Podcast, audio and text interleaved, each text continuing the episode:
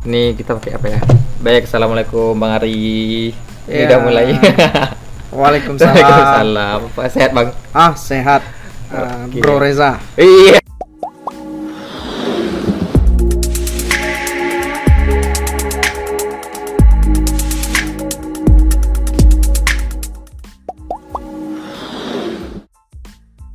Iya, bro ya.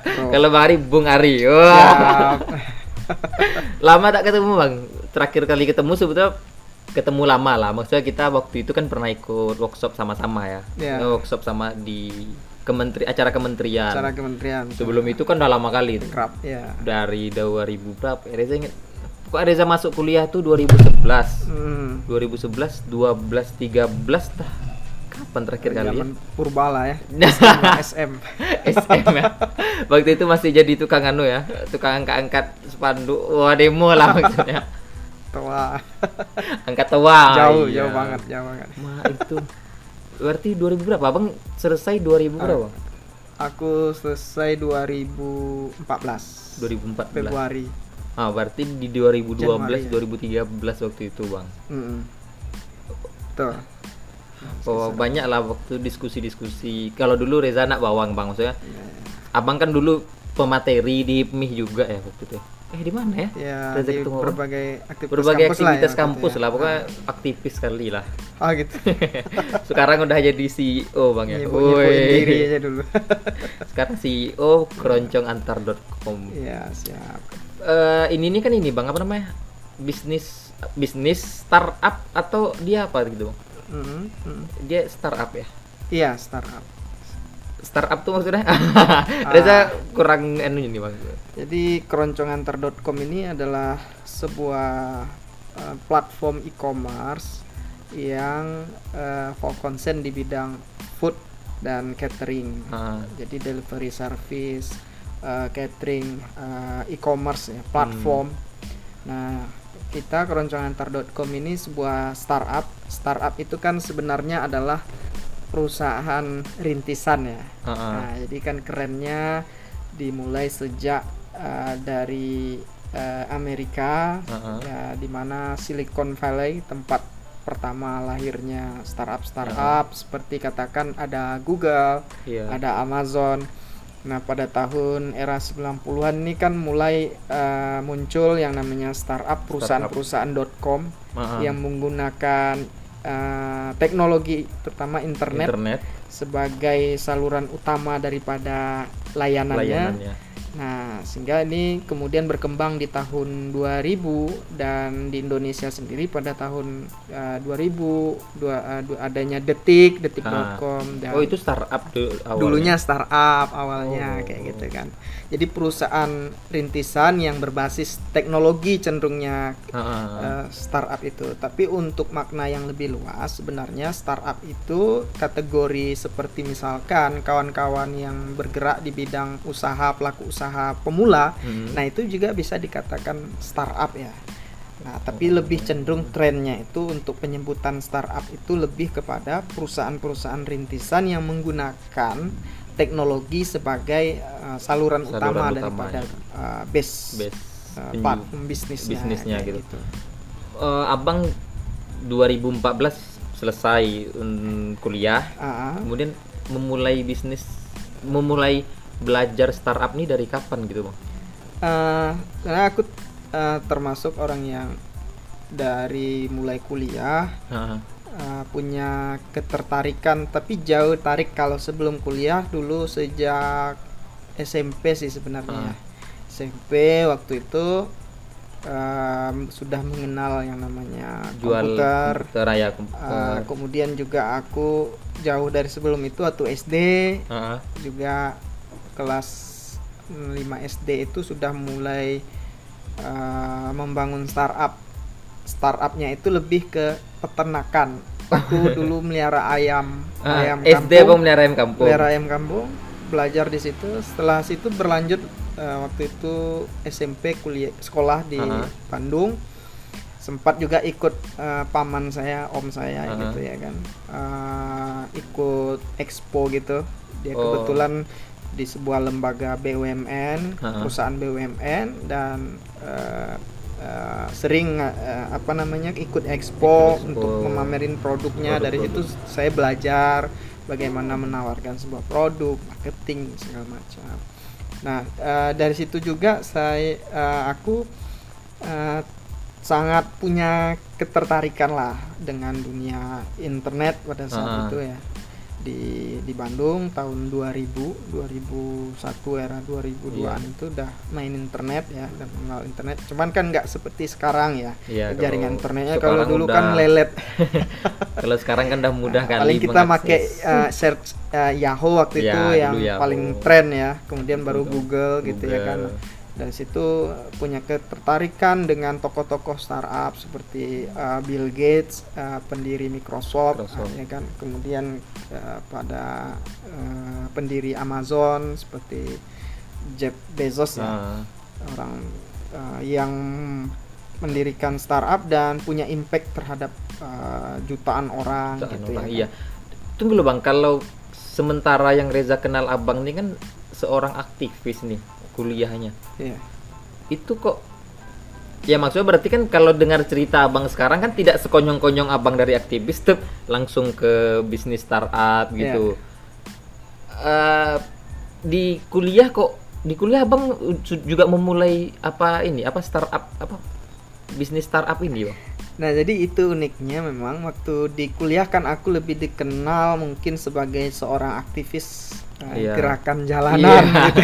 yang pandainya ya demo, Demo, protes gitu ya. iya. Tapi sebenarnya di balik itu uh, tanpa istilahnya publikasi Heeh. yang bagaimana aku sudah memulai usaha juga. Jadi di situlah aku sedikit banyaknya waktu jadi aktivis itu uh, katakan punya kemandirian dari soal uh, Finansial gitu. finansial. Jadi kalau kita organisasi ya maklum lah, Iya, ya kan iya. Bung Reza pasti tahu kan.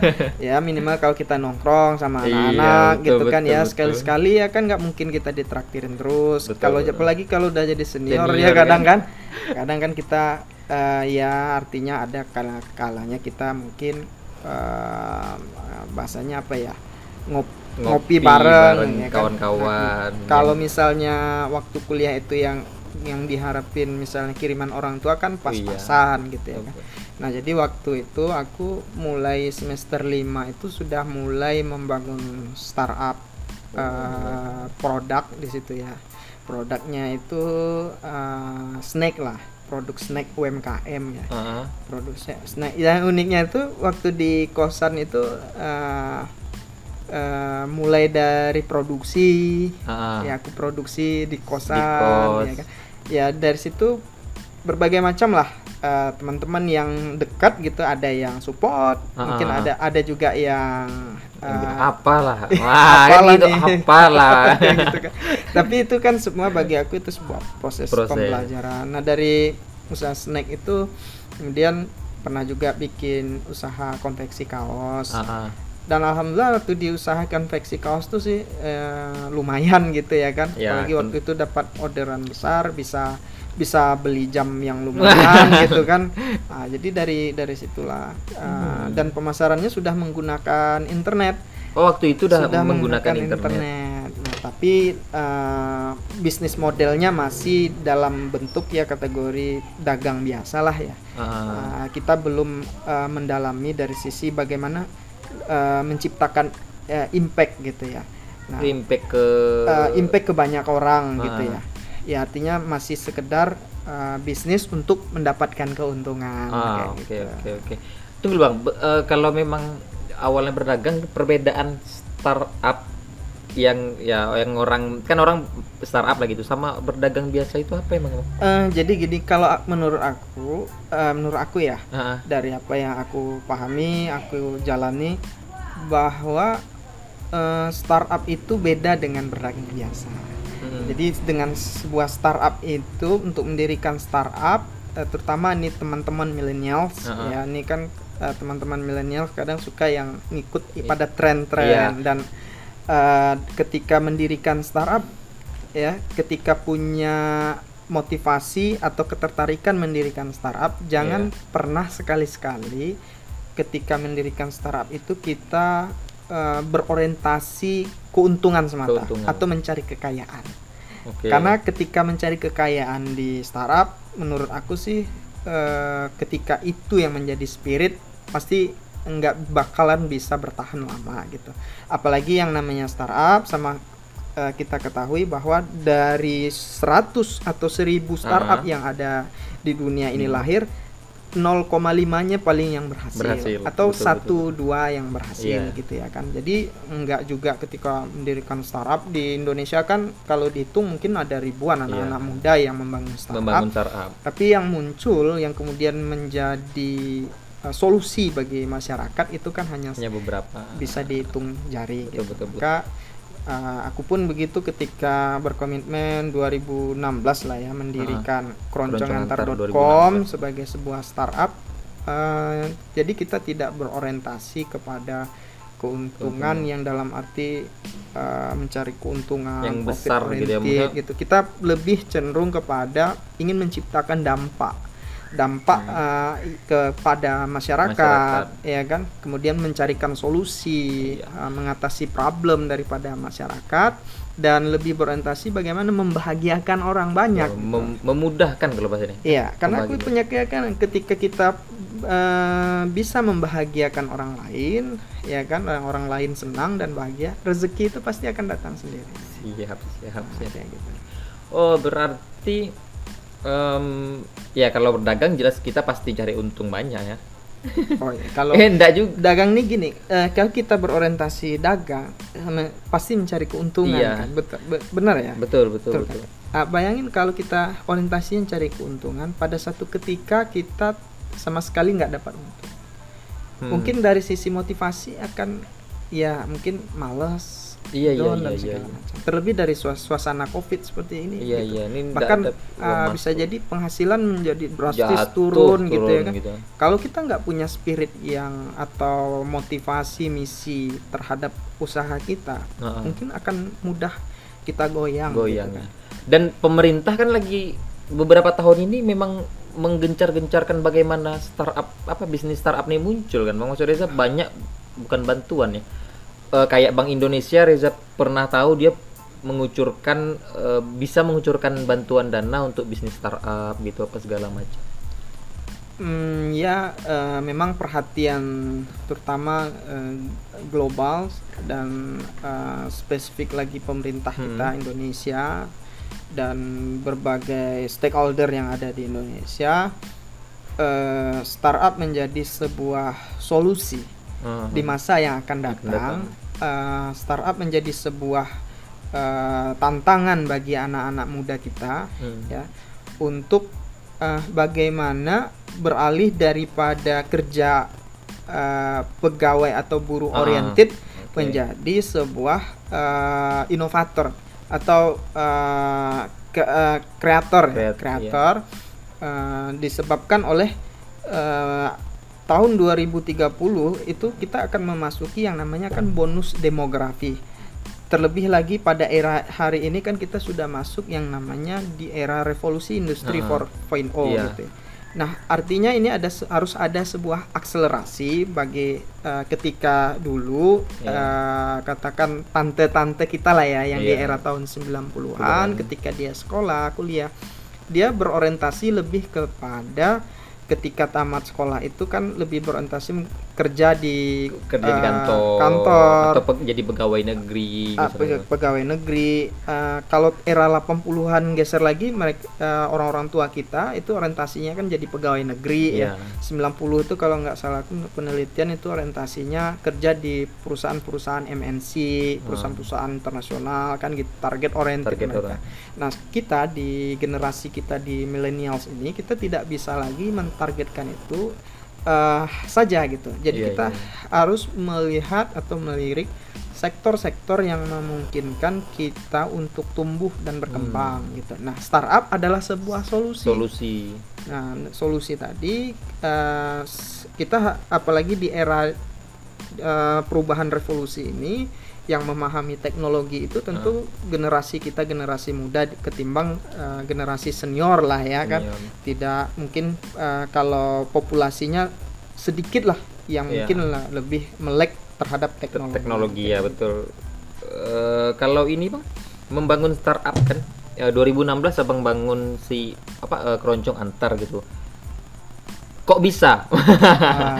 atau apa kalau 5W1 kenapa abang bisa membangun keroncong antar gitu Iya. apa cikal bakalnya gitu ya sebenarnya eh, mengalir ya aja ya Ah, eh keroncong antar itu lahir eh, awalnya ya eh, dari eh, perjalanan perjalanan aku. Nah, untuk keroncong antar itu unik ya. Jadi tahun 2015 itu sebelum keroncong antar itu aku kan punya eh, banyak sebenarnya usaha yang gonta-ganti tadi tuh. ah. Mulai dari awal Mulai kuliah, tadi snack, snack, kemudian pernah baju. usaha konveksi, Iya, pernah konveksi. juga usaha eh, bisnis eh, ikan, ikan Oh, ikan. salai gitu ya kan. itu gonta ganti ya. Karena ikan laga enggak bang Kemudian di tahun 2015 pasca aku sudah Selesai. kuliah, aku bikin eh, usaha lembaga training, Hmm. training di bidang kepemimpinan apa ya ya Dulu pernah Reza dengar itu namanya tiga huruf manajemen ya. Ah, ah. bergerak di bidang pengembangan sumber daya manusia.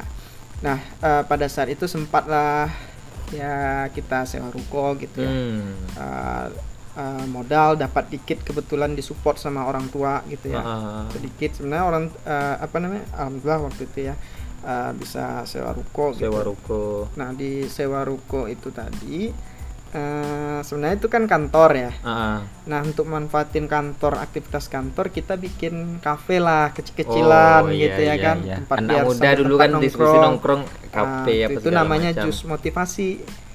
jus motivasi Ah, di produk yang dijual itu jus tunggu di Manyar ya di ya? Kamboja, Jalan Kamboja. Kamboja dekat Unri gitu kan. Nah, dari situ setelah itu aku di tahun 2015 Mei-nya nggak tak jauh dari waktu itu kan dari Februari Maaf. ah, ah, nikah. Ah, nikah dulu ya oh Nah, jadi setelah nikah itu eh, kita masih jalanin usaha tadi. ah, ah. Nah, yang tinggal lembaga trainingnya tinggal. Hmm. Ah, terfokusnya di sektor di sektor us- usaha. usaha Tadi jus tadi Ah, setelah nikah eh, diskusilah sama istri. Kemudian mbak kita jual produk produk makanan. Waktu Itu ayam penyet sambal hijau. oh. Nah, dari situ akhirnya ya sebenarnya jatuh bangun juga ya Jaya. ya. iya betul uh, kondisi dan, dan apalagi waktu menikah saya betul-betul memulai suatu dari nol uh, dan waktu itu dari keluarga sendiri sangat kecil sih dukungan untuk aku Hmm. uh, bermandiri di bidang entrepreneur ini keluarga Oh. maunya kan uh, untuk jadi pegawai pegawai negeri gitu. karena mulai dari bapak kemudian kakek dan buyut juga Pegawai. pegawai negeri gitu kan ya itu Gitu memang udah budaya kali itu ah Bang. gitu cuman akunya aja sih yang jadi berbeda kekeh gitu, gitu, ya, ya, kan. Kekeh. Ah, sempat sih di baru nikah juga di di ya dikhawatirin sih sama orang tua Betul. terutama ya. Iya iya iya. tua terutama ya, eh, carilah lowongan pekerjaan. Iya. Tapi aku sering yakinin bahwa percaya uh, Ah, rezeki. bahwa insya Allah rezeki itu akan ada gitu kan. Akan ada saja dan ya aku kan sebagai muslim Iya. punya keyakinan itu gitu ya kan punya keyakinan dan dulu aktivis Haimi juga gitu kan kalau Betul, aktivis betul. Haimi nggak punya keyakinan berarti Ah, uh, ini LK1 dita- tuh kena dipertanyain. bantai gitu dah. jadi kalau di HM itu kan ada tagline motivasinya itu yakin usaha, Usaha sampai. sampai. Nah, jadi yakin usaha sampai itu menjadi pegangan aku dimulai dari awal dulu.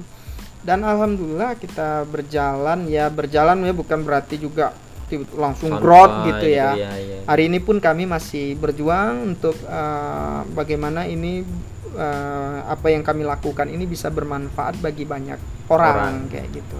Ya sampailah kita mendirikan eh, waktu itu dari itu tadi. Nah kebetulan kita ada warung keroncongan. Warung, Warung keroncongan. di Jalan Manyar Sakti. Ha. Itu kebetulan eh, adik saya yang lebih di situ warung keroncongan. Ha. Adik adik saya yang sekarang jadi co-founder juga di Hmm. keroncongantar.com gitu ya.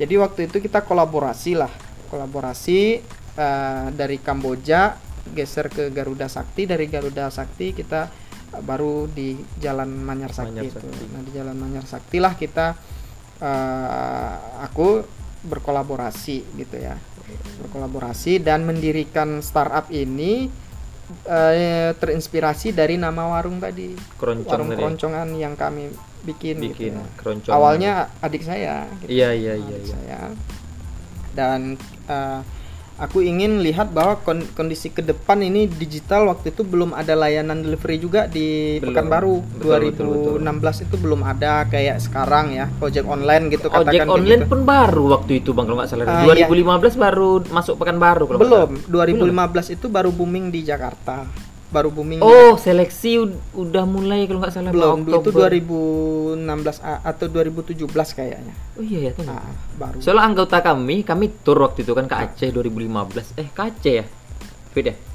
Dia nih mau seleksi wawancara untuk Gojek Mhm. waktu itu. Eh, sebut nama enggak masalah sini sebut. Ah? 2015 kan? 16. Ke Siak yang dia apa tuh? Hmm. 16 berarti 17 ya? Ya, Oh 17 berarti. Iya ya, Bang. Iya iya 17 berarti. ya. Berarti itu dia mau ya baru-baru maksudnya baru mereka udah mereka kan kalau Gojek kan pasti itu maksudnya Bang dana mereka apa mereka kan besar tuh. ya. Ya startup ini kan tak tidak hanya cuman membangun kalau Abang kan oke misalnya dimulai dari hal yang ya. kecil dulu apa tapi kan kalau yang di luar sana tuh kan memang langsung disuntik dana besar sama Iya. orang tuh Bang. Nah makanya itu ya kita mulai dari awal ya 2016 Hmm. eh, mendirikan startup ini memang istilah kalau di dunia startup tuh bootstrapping ya. Buat strapping. Artinya menggunakan modal dana sendiri. Nah, Hmm. Jadi modal dana sendiri kita lebih ke jalan santai sih ya. Ah, Jalan santai eh, menjalankan ini sambil juga learning by doing gitu. Oke. Learning by doing dan sempat memang tahun 2015 kita ditawar investor Singapura Mm-mm. untuk mengembangkannya untuk menyuntik uh, dana, Dana. invest- investasi. Cuman memang saya masih uh, berpikir bahwa uh, sebenarnya gini ya, saya berpikir bahwa uh, saya harus uh, bikin ini dulu, Ah, ya kan, bikin ini dulu. uh, tanpa Jalankan dulu menggunakan gitu, tanpa investor, invest Uh, kita sangat ingin sebenarnya bahwa Iya, berkembang ini karena dengan adanya investor kan tentu mensupport juga. Iya gitu. betul. Nah, tetapi kita ingin ini dulu dijalanin dulu secara kita sehingga kita eh, katakan punya kebebasan 100% Betul. untuk melakukan inovasi dulu ya. Inovasi sehingga nanti ini setelah ini bisa eh, bermanfaat bagi ba- banyak, Banyak orang, orang. untuk mengembangkan lebih besar lagi, tidak Ah. menutup kemungkinan kita sangat eh, terbuka, Terbuka untuk untuk masuknya pihak-pihak lain yang ingin mensupport gitu. mensupport. Em, keroncong antar tadi dari dari bahasa keroncongan. Eh dia bukan keroncong antar ya, keroncong antar. Iya, keroncongan dan antar. Oh, keroncongan dan antar. Ya. Setelah dapat dari itu, jadi abang memulainya itu kayak mana dulu? Abang buat sistemnya dulu, atau apa yang abang buat dulu? Eh, yang aku bikin itu kan awalnya kita memang sudah punya usaha delivery sejak Ah. dari eh, buka jus tadi. Jus tadi, oh itu udah Ah, delivery. Sudah ada. Oh. Jadi kita sudah punya user lah, Ah, sudah ah, punya ah. pelanggan. Jadi ketika kita berubah dari jus motivasi itu em, eh, kita punya merek juga namanya waktu itu warung ayam ijo. Ah, ah.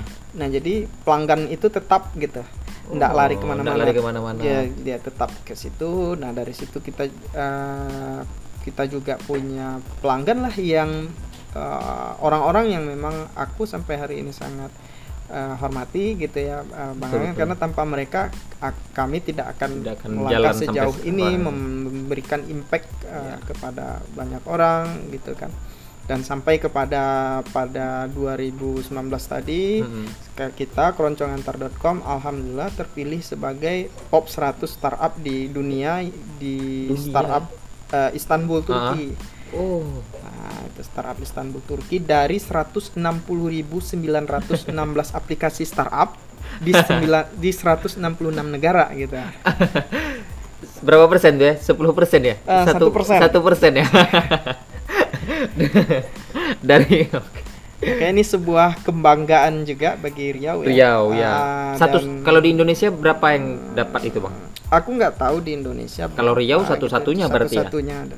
Dan Alhamdulillah waktu itu eh, kita sudah berkomunikasi juga dengan pemerintah kita Ah, ah. sebagai orang tua kita ya Betul, kan betul, kita betul. ini sebagai anak muda di Riau dan alhamdulillah dalam hal itu seperti Pak Gubernur Pak Ah. Samsuar sangat mendukung beliau Dukung. untuk kita milenial Riau ini untuk berkembang untuk keroncongan tar ini berkembang gitu. Iya, iya, beliau iya, iya. sangat uh, Support, support, lah. lah gitu, Bang ya.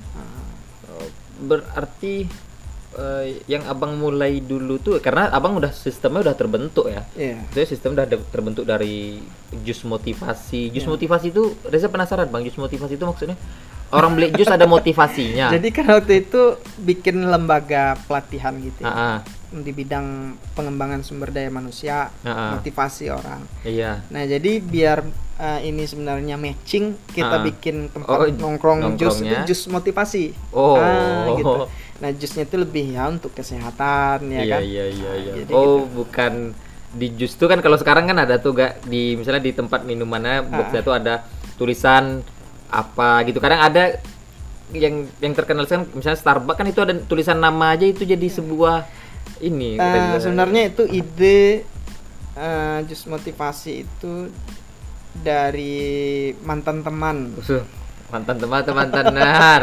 mantan teman. sekarang enggak berteman lagi. Sekarang jadi teman lebih dekat ya, Oh, oh gitu. Oke, oke. lebih dekat eh, dan selalu menemani baik susah dan senang ya kan. Sama dengan istri gitu ya. Ah, iya. aku nggak mau bilang istri kalau istri lebih eh, mempersempit gitu ya? makna. Ya. siap, Nah, siap. lebih teman ya lebih ya aku kira istri aku lebih daripada istri lah Iya, iya. teman ya, dan waktu itu dari dia juga uh, jus motivasi itu jadi setiap orang beli itu kita kasih selebaran motivasi Oh iya, kata-kata motivasi kata-katanya. ah itu Oh, uniknya oke, oke, itu. oke, oke.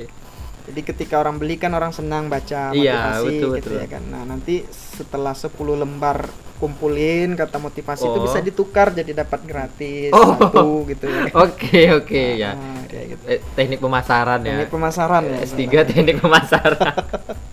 Cuman itu yang dilakukan orang-orang Ya, maksudnya ya, ya. ketika Starbucks nulis nama aja kemudian namanya mungkin salah ya kemudian diupload sama orang itu kan jadi apa pemasaran. Iya itu benar. kan kurang ajar tuh. Maksudnya kita tanpa sadar ih nama aku salah bete kata Iya. orang kan diupload nah di Instagram segala macam. Ah. eh minuman apa nih? Kan orang jadi kayak gitu. Berarti itu. Eh yang terasa berat betul bang di ketika membangun keroncong antar itu di tahun kapan di tahun keberapa bang terasa berat karena aku sangat menikmati Ah. aku kira nggak ada yang begitu berarti lah beratnya karena eh, sangat menikmati dalam sebuah Ah. proses membangun impact tadi bagaimana membahagiakan orang lain tapi hal yang paling karena kami memulai semua dari nol gitu ya Ah. tidak punya pengalaman katakan seperti founder-founder startup lain dia Iya. dimulai dari bekerja di perusahaan yang sudah sudah bonafit kemudian eh, berhenti membangun startup. Startup. sementara eh, aku Abang kan memulai itu belum- dari dari jalanan. otodidak gitu ya? Dari jalanan. Dari jalanan. Memulai dari jalanan langsung memulai membangun perusahaan rintisan. Iya. Ya kan orang jalanan yang dulu kerjanya demo. Demo. Gitu ya kan? Tapi abang konsisten bang. Ah, gitu. Maksudnya gini orang demo kan. Ah. demo demo demo demo selesai dia jadi mahasiswa. Dia kan ada demo lagi nih. Ya kan dia nggak kerja sama lagi. pemerintah gitu ah, maksudnya. Nggak lah, itu rezeki mereka ya. Oh iya betul. Maksudnya kan Ah, oh ya waktu mahasiswa demonya pemerintah sekarang kerja sama pemerintah Aha. gitu kan. Tapi ya itu jalan orang iya. mungkin kan bang Gitu. Kalau menurut aku sih rezeki itu ada di mana saja. Iya. Ya mungkin bagi kawan-kawan yang dia eh, misalnya katakan dulu eh, mengkritisi pemerintah, kemudian hari ini dia bekerja dengan pemerintah, itu Pemerintah. pilihan. Ya, Dan kadang kita juga dihadapkan pada kondisi-kondisi yang kita nggak bisa bisa pilih gitu. ya Nah, semua ada ketetapannya. mungkin barangkali dia mau berubah dari dalam Bisa jadi. positifnya gitu Ya. kan berubah dari dalam kayak mana sistem dia kan itu sistem harus dirubah entah kayak Ya. mana tekniknya apa segala macam Berarti eh, tidak ada begitu berat gitu bang ya Mm-mm. untuk ini keroncong nganter. Ini abang keroncong nganter ini udah ada aplikasinya. Kalau orang kan biasa startup ada aplikasinya, kemudian ada apa? Kalau abang masih berba udah ada aplikasinya atau kayak mana? Ah, kita sudah ada sih aplikasi sudah ada aplikasi yang bisa di download ya Heeh. itu lewat websitenya itu sendiri untuk memudahkan Oh. supaya nggak searching searching gitu ya. Iya. sudah ada nah hanya saja kita belum belum sebenarnya ke Google Play-nya Oh. nah sebenarnya secara teknologi kami pun itu tadi kan kita bagaimana ini eh, saya meyakini bahwa sebuah karya itu tidak ada di awalnya sempurna. Betul, kami betul, sangat betul, meyakini di keroncong antar bahwa sebuah karya itu untuk mencapai kesempurnaan itu dibutuhkan sebuah